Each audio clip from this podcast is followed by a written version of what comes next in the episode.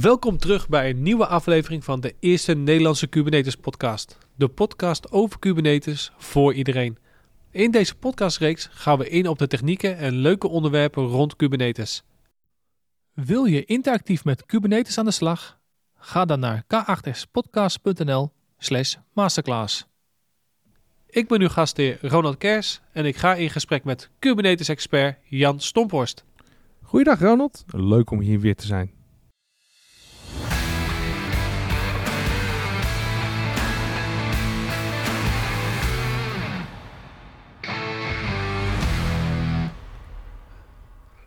Zo Jan, en waar gaan we het vandaag over hebben?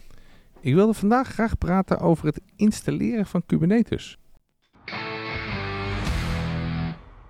Jan, dit is een vraag die ongetwijfeld veel gesteld wordt. Hoe installeer ik Kubernetes? En eerlijk gezegd, dat zou ik zelf ook wel willen weten. Want zonder installatie kunnen we Kubernetes natuurlijk niet gebruiken. Je kan Kubernetes op vele verschillende manieren installeren en op vele verschillende clouds. Maar laten we het over mijn installatiemanier hebben.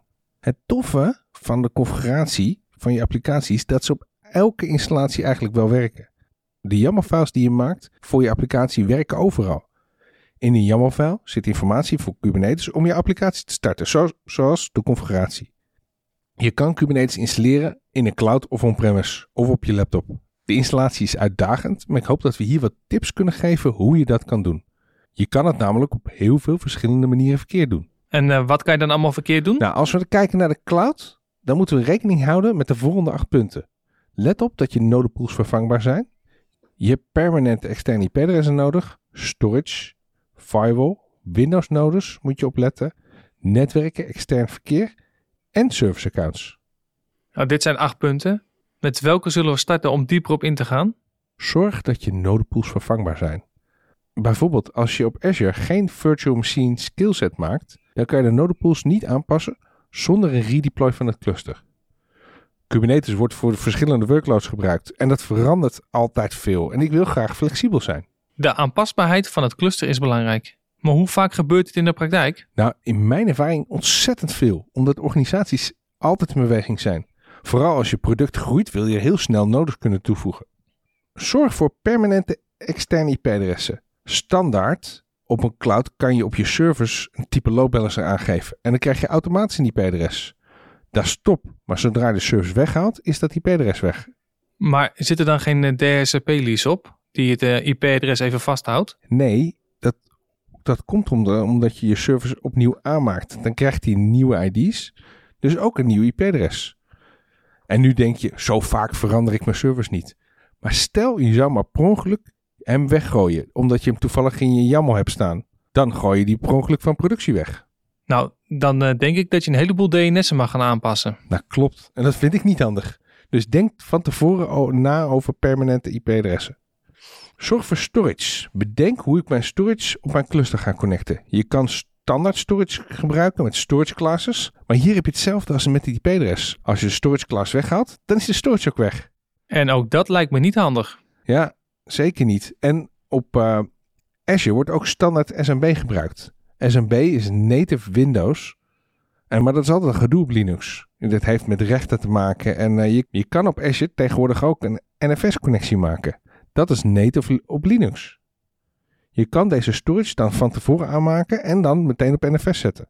Is dat op alle clouds hetzelfde? Nee, op elke cloud is dat anders. En ik doe altijd van tevoren onderzoek wat dan de klant precies nodig heeft. Nou, zorg dan ook voor een firewall of een access list voor het management van Kubernetes. En let op hè, het IP-adres van het management verandert regelmatig.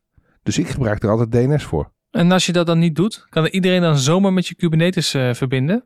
Ja, ze kunnen zomaar verbinden, maar je hebt certificaten nodig om te connecten en meer te doen op het cluster. Dus het is een stukje meer security. En security is natuurlijk ontzettend belangrijk. Hou rekening met Windows-nodes als deze nodig zijn. In alle clouds moet je dit van tevoren aangeven. Is er dan zo'n verschil met alleen Linux-nodes? Ja, het cluster moet anders opgezet worden. En anders kan je dus overnieuw beginnen. Bijvoorbeeld in Azure moet het subnet waar je Kubernetes mee installeert compatible zijn met Windows. Over netwerk gesproken, let op dat je de juiste netwerken aangeeft. En die het juiste subnet bereiken, zodat je ze kan bereiken. De meeste clouds hebben hier een standaard voor, maar die is vaak wat groot of die overlappen op andere netwerken. Op Azure wordt die standaard het gehele teamnetwerk voor gebruikt. Eens even nadenken, dat zijn uh, nou, volgens mij uh, 16 miljoen adressen. Dat klinkt wat veel. Ja, waar je ook rekening mee moet houden, is dat als een pod het netwerkverkeer initieert, bijvoorbeeld als die naar een externe API wil om informatie op te halen buiten het Kubernetes cluster, dan is de extern IP-adres van de pod gelijk aan het externe IP-adres van de node, waar de pod actief is. Vaak wordt het gerouteerd maar naar een algemeen adres. Als je dat niet doet, dan heb je natuurlijk een uitdaging met een firewall. En waarom heb je dan een uitdaging in de firewall? Nou, stel hè, jouw IP-adres wisselt elke keer, want je zit elke keer op een andere node. Dan kan je daar eigenlijk geen firewall regels voor maken, behalve dan any any. Dus dan staat hij open voor de wereld. Dat willen we natuurlijk niet. Ik heb begrepen van klanten dat ze performance problemen ervaren als ze het op deze manier doen. Kunnen we dat oplossen? Zitten hier limitaties aan? Ja, jammer genoeg wel. Als het verkeer start vanuit de pot en meer dan 1024 verbinding maakt naar een externe IP-adres, dan zijn de communicatiepoorten op. Dus je kan maar 1024 connecties maken. Maar de applicatie wil graag meer connecties maken. Hoe lossen we dat op? Je kan dit oplossen door een NAT gateway te gebruiken of te maken. Deze zal al het verkeer over meerdere, één of meerdere IP-adressen leiden en je kan dus per IP-adres 65.536 poorten gebruiken. Bedenk ook dat je in sommige clouds een service account moet aanmaken. Anders kan je geen rechten geven waar het Kubernetes cluster bij kan, zoals een Docker registry. Dit service account kan je niet achteraf opzetten, maar dat moet je met je installatie gebruiken. Als ik hier rekening mee hou, ga ik dan gewoon via de webportal van mijn cloud provider een cluster opzetten? Ja, dat kan heel goed, maar dat vind ik niet handig. Sommige dingen werken of kunnen gewoon niet via de webportal. Wij gebruiken de CLI, de Command Line Interface. Hier kan je alles wat je via de web ook kan, maar dan kunnen we het reproduceren. Dat vind, vind ik persoonlijk heel handig. Je kan ook een Ansible of een Terraform gebruiken. Deze doen het overigens perfect. Maar onze ervaring is dat de CLI van de desktop betreffende cloud altijd het beste is. Heb je nog meer goede tips als je in een cloud een Kubernetes cluster uitrolt? De beste tip heb ik als je servers langer dan een jaar gebruikt, is dat je een reservering aanmaakt. Dit scheelt gewoon 40% van de kosten bij een Azure. De cloud hebben we nu gehad. In de on-premise hebben we meer, althans hebben we andere uitdagingen. Nu gaan we een cluster uitrollen on-premise. Je zei dat er in een on-premise omgeving meer uitdagingen zijn. Kun je me vertellen welke dat zijn? Als we kijken naar een on-premise cluster, moeten we rekening houden met verschillende zaken. En je zei, het zijn er meer. Toevallig zijn dit er ook acht. Het is uh, netwerk. Zorg dat je genoeg ruimte hebt in het subnet. Uh, twee masters minimaal. Storage, welke CNI. Log aggregation. Dus centrale logging. Monitoring. Externe toegang tot het cluster. En Windows nodes. Oké, okay. flinke lijst. Maar uh, waar zullen we mee beginnen? En, en ik bedoel dan met die hele lijst... is dat je alles al uitgezocht moet hebben... voordat je start. Want het installeren van Kubernetes kan je ook met verschillende tools doen... met verschillende resultaten. Als standaard kan je van de Kubernetes website kan je kubeadm gebruiken. Voor de eerste keer als je Kubernetes installeert met kubeadm, dan is dit geweldig. Er staat uitstekende documentatie op de kubernetes.io website. Maar is er nog andere tooling dan die je kan gebruiken om clusters uit te rollen? Ja, er zijn heel veel projecten die je zou kunnen helpen. Maar als je echt een productiecluster wil uitrollen, dan gebruiken wij het project KubeSpray. KubeSpray is een Ansible project die ondersteuning biedt om makkelijk een multi-master cluster op te bouwen. Dit kan tegenwoordig ook met kubeadm, maar KubeSpray is veel makkelijker. En KubeSpray lost al wat standaard dingen voor je op. Maar waarom zou je een multi-master cluster uitrollen dan? Een cluster met één master is geen probleem. Maar als deze master niet aanwezig is, dan heb je geen controle over de containers. Dus de containers blijven doordraaien. Voor een cluster gebruiken we normaal twee masters. Zo kan je altijd het cluster beheren. Oké, dit komt dus weer ten uh, goede van je continuïteit. In KubeSpray zitten meer opties om te gebruiken. Niet alleen multi-master, maar ook andere tools. Eén daarvan is MetalLB. MetalLB is de oplossing voor externe toegang tot het cluster. Je kan in MetalLB een range adressen aangeven en deze in een server zetten met een type load balancer. Deze IP-adressen zijn hetzelfde IP-adressen als de node IP-adressen. Bedoel ik niet hetzelfde IP-adressen, maar die zitten in hetzelfde subnet. Oké, maar kan MetalLB dan ook geavanceerde zaken aan zoals eh, BGP? BGP zit er ook in, maar dit is ontzettend geavanceerd. Bij standaard of gemiddelde clusters is dit niet nodig. Nu hoor ik vaak als ik bij onze masterclasses zit dat er veel vragen komen over storage. Kan je uitleggen waar die vragen vandaan komen? Storage is een uitdaging. Je kan hier veel verschillende oplossingen voor gebruiken. Maar er zijn er maar een paar goed. Eén daarvan, die ik persoonlijk heel erg prettig vind en goed, is Ceph van Rook. Rook is het project. Ceph is een fantastische oplossing met voordelen en nadelen. Het voordeel is dat de storage op een node staat en dat is dus ontzettend dichtbij bij de pot. Die wordt gerepliceerd over, over, over de nodes heen, dus je hebt redundancy in de storage. Maar als je storage op de node staat, heb je een probleem bij de upgrade van Kubernetes. Dan duurt het dus langer als je gaat upgraden, want een upgrade gaat van node naar node. En bij een upgrade wordt dus een node, wordt die node vervangen of wordt gereboot. En als de node opeens weg is, dan moet de storage weer repliceren. Dus het duurt een stuk langer voordat je Kubernetes cluster opnieuw gebouwd hebt. En als je heel veel storage hebt, dan zal een upgrade opeens dagen kunnen duren. En de oplossing hiervoor is wel dat je een Ceph storage cluster buiten het Kubernetes cluster neerzet. Maar dan mis je de voordelen dat de storage dicht bij de pot staat. En voor Ceph heb je minimaal drie storage nodes nodig. Dus het zijn een stuk meer machines.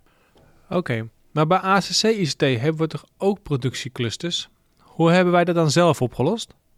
wij hebben dat zelf opgelost door NFS te gebruiken. Op de centrale storage hebben we een NFS-head, zoals, zoals je dat noemt. Dus je kan NFS van de centrale storage gebruiken. Maar je kan natuurlijk ook een NFS-server gebruiken. Het nadeel van een losse NFS-server is, is dat de storage niet hoog beschikbaar is. Dus storage is altijd een uitdaging. De storage is net zoals bij veel oplossingen een onderdeel waar je van tevoren goed over na moet denken. Zeker. Nou, als we dan verder gaan, een pot is dus het kleinste deel in Kubernetes. Als een pot gestopt wordt, dan verdwijnt de logging. Dat lijkt me verre van ideaal. Wat, uh, wat moet je dan doen met die logging? Nou, we moeten dus zorgen dat de logging naar een centrale plek gebracht wordt zodra de logging is. En dat kan je heel goed doen met Filebeat. Filebeat is een daemon set die op elke node actief is en die dan de logging bijvoorbeeld een Greylog stuurt. Daar komt alle logging samen en Greylog gebruikt een Elasticsearch database. Deze is ontzettend snel, maar we hebben ontzettend resources nodig. Er zit er wel een risico aan. Als je te veel logging creëert, dan heeft hij veel meer resources nodig. Want hij moet alles verwerken. Dus debug logging is niet handig. Maar je kan Filebeat zo instellen dat hij maar een bepaald aantal namespaces kijkt. Maar dan wil je ook nog weten of alles nog werkt. Hiervoor hebben we monitoring nodig in de vorm van Prometheus. Deze ziet wanneer een nieuw container is en zorgt dat alle metrics verzameld worden. En als er mogelijk wat raars gebeurt, kan je dit via Alert Manager doorsturen naar Slack of e-mail of naar een sms. Als je nou meerdere Prometheusen hebt, dan kan je dit in één groot cluster allemaal verzamelen. En dat kan je met Thanos doen. Oké, dus al met al best een klusje om Kubernetes te draaien. Er zijn een heleboel dingen om rekening mee te houden. Mocht je nou denken, ik wil Kubernetes ook wel eens testen, kan je ook Minikube installeren op je laptop. Dit is een volledige Kubernetes in de virtuele omgeving. Overigens, dit kan ook op een Windows-machine geïnstalleerd worden. Oké. Dus dit was een heel verhaal. Kubernetes installeren is ook best lastig. Je moet rekening houden met veel variabelen. En dat is altijd bij als je een nieuwe omgeving maakt. Alleen moet je het hier van tevoren allemaal goed doen. Anders krijg je uh, ja, problemen en kost het heel veel tijd. Mocht je dit allemaal handmatig willen doen, dat kan ook. Dan kan je de installatieprocedure van Kelsey Hightower volgen. En dat heet Kubernetes de hard way. Die is ontzettend lastig, maar je leert er ontzettend veel van. Oké, super interessant. Er zijn, nog, er zijn veel dingen langsgekomen. Kan ik dit nog ergens nalezen van wat alles is? Ja, we zetten in de podcast notities zetten we alle URL's naar verschillende projecten. En eh, zo kan je alles nog eens nalezen. ACC ICT is specialist in IT-continuïteit. Bij ACC ICT staat alles in het teken van continuïteit waarborgen voor bedrijfkritische applicaties. Of het nu gaat over Managed OTAP, Cloud en Kubernetes, ze geven hier invulling aan om door samen met hun klanten een toekomstbestendige strategie uit te stippelen voor het gehele proces van ontwikkelen tot en met productie. Ik heb in de wandelgangen gehoord dat wanneer je een cluster installeert bij bijvoorbeeld een gemeente, dat je ook nog aan Haven compliance zou kunnen denken. Jan, wat is Haven? Ja, gemeentes gebruiken applicaties voor het uitvoeren van hun taken. Die applicaties draaien op een eigen infrastructuur. Uh, en infrastructuur zeg ik, zeg ik dan, dat rekenkracht, opslag en netwerkverbindingen. Elke gemeente heeft zijn infrastructuur anders georganiseerd. Bij de ene gemeente draait heel veel lokaal en aan de andere veel meer in de cloud. Applicaties moeten worden aangepast op die infrastructuur en op de wijze dat ze draaien. Dit maakt het voor gemeentes lastig om samen applicaties te ontwikkelen en snel in te zetten bij alle gemeenten. Haven biedt daarvoor een oplossing. Concreet, Haven legt de verbinding tussen ontwikkelde applicaties en iedere gemeentelijke infrastructuur. Met Haven kunnen gemeenten applicaties overal hosten zonder dat zij daarvoor IT-infrastructuur hoeven aan te passen. Daardoor kunnen gemeenten applicaties samen ontwikkelen en snel inzetten bij alle gemeenten. Dit zorgt voor uniformiteit, lagere kosten en mindere afhankelijkheid van leveranciers. Daarnaast zit er een heel groot deel security in waar je goed over na kan denken. Er is wel een probleem dat niet alle voorwaarden werken of zo kunnen werken bij grote clouds. Haven bestaat uit 16 verplichte en twee voorgestelde checks. Laten we eens even doorlopen. Gaan we deze allemaal doorlopen vandaag? Nee, we gaan hier snel overheen en we zullen op de onderwerpen terugkomen in verschillende podcasts. Maar wat zijn dan uh, de verplichte checks? Er zijn er 15 checks, maar sommige zijn er best wel outdated of de standaard al in zitten. Maar het is wel slim om te weten wat ze zijn. En ik ben het niet eens met alle punten. Nou, weet je wat? Ik pak het lijstje er even bij. Eens kijken. De HCC-checker is recent en niet ouder dan drie maanden. De Haven Compatibility Checker, het is een tongbreker, is een tool om alle punten te controleren. Deze wordt regelmatig geüpdate. Uh, meerdere availability zones. Dat betekent dat het cluster, of onderdelen van het cluster, in meerdere datacenters moeten staan. Of, en, en ook datacenters die het snel kunnen overnemen. Dus dat is een soort uh, ja, redundancy. Minimaal drie masternodes. Ja, wij starten er altijd met twee. Maar ze verwachten drie. En dat is natuurlijk helemaal geen probleem als je drie masternodes in je cluster zet. Nee, dat uh, lijkt me ook niet. Minimaal drie workernodes. Ja, en, en wij starten ook altijd met drie workernodes. Wij vinden drie is wel het minimale waar we mee kunnen starten. Maar workernodes kunnen altijd heel makkelijk bijgeschaald worden. Goeie om te weten. Eens kijken. Nodes hebben SE Linux, GR Security, AppArmor, LKRG of Talos enabled. Deze heeft ontzettend veel impact. Want um, wat, je, wat je noemt zijn uh, security technieken. Maar de nodes moeten hier helemaal speciaal voor worden uh, geprepareerd. Standaard, als je standaard SE Linux aanzet in een Kubernetes cluster, werkt dit voor gemeenten. Dit werkt helemaal niet goed. Ook in de clouds werkt dit helemaal niet. Het is wel een fantastisch doel om te hebben om, om SE Linux draaiend te hebben. Maar het heeft heel veel impact. Overigens, SE Linux is voor Red Hat, AppArmor voor Ubuntu, GR Security is voor Google. En ga zo verder. Het zijn ze eigenlijk allemaal. Ga zo verder, inderdaad. Uh, eens even kijken. Een privé-netwerk voor het cluster. Ja, daar bedoelen ze mee dat het cluster niet direct aan het internet moet hangen. Je ziet wel eens dat uh, bij sommige cloud providers zijn cluster direct aan het internet hangen. Dat is niet handig, maar dat lijkt me sowieso dat je dat nooit moet doen. Je moet er altijd een firewall tussen hangen. Ja, dat lijkt me in ieder geval wel het minimale wat je kan doen. Ja. De Kubernetes versie is de laatste stabiele versie of twee minus achter. Dus de laatste stabiele versie van Kubernetes. Maar clouds lopen altijd één versie achter. Dat is wel uh, een uitdaging. Ook wij in onze processen gaan we altijd alles eerst testen voordat we naar klanten de laatste versie brengen. Er verandert altijd heel veel nog aan nieuwe versies. Dus dit is wel een uitdaging om op de laatste versie te draaien. Of twee miners erachter. Ah, oké. Nou, de volgende is een bekende. Role-based access control staat aan. Ja, role-based access control is een fantastische manier om rechten in de cluster te beheren. En tegenwoordig staat dit standaard aan. Nou, deze is ook niet heel vreemd. Basic authentication is disabled. Ja, maar die staat wel standaard aan. Oh, oké. Basic authentication is wel heel lastig om te onderhouden. En eh, je moet dan een andere oplossing erin zetten, zoals een DEX of een OpenID, om gebruikers te authenticeren. Read-write many persistent volume support. Dat is een hele mond vol. Ja, dit staat ook standaard aan en zit ook gewoon in de huidige versies. Dus dit, eh, dit zorgt ervoor dat meerdere pods, meerdere containers naar dezelfde storage kunnen verbinden. Load balancer service type support. Ja, dit is ook al uh, in de nieuwere versies, vooral in de huidige versie staat dit standaard aan.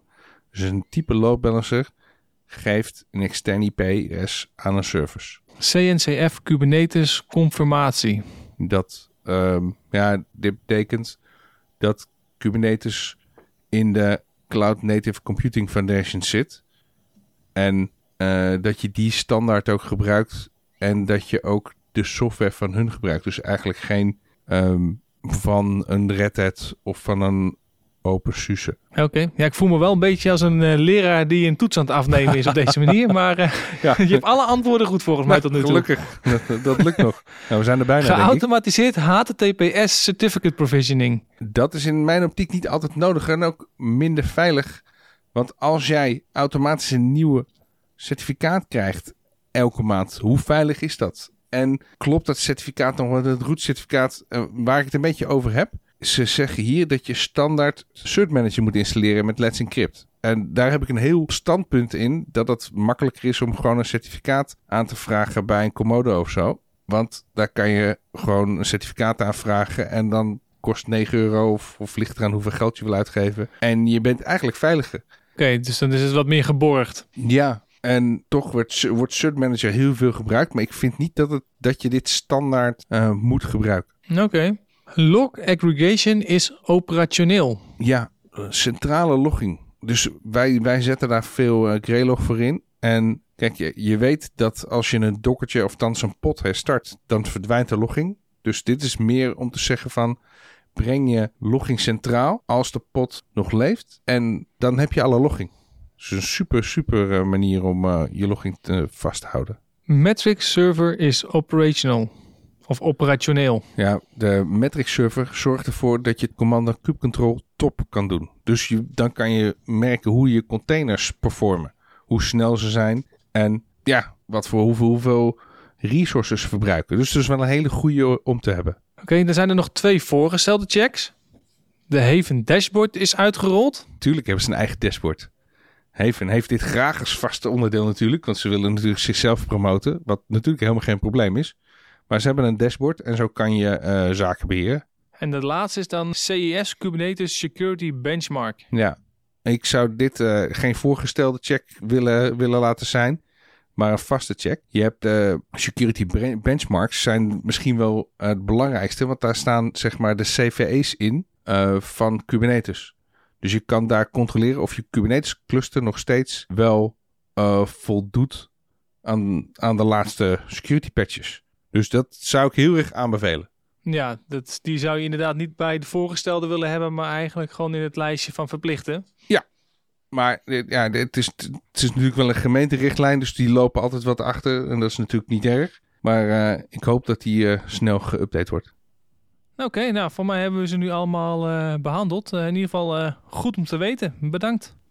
En onze luisteraars, bedankt voor het luisteren naar deze aflevering van de Nederlandse Kubernetes podcast. Ja, ik bedankt, Ronald. Tot de volgende keer. Tot de volgende keer.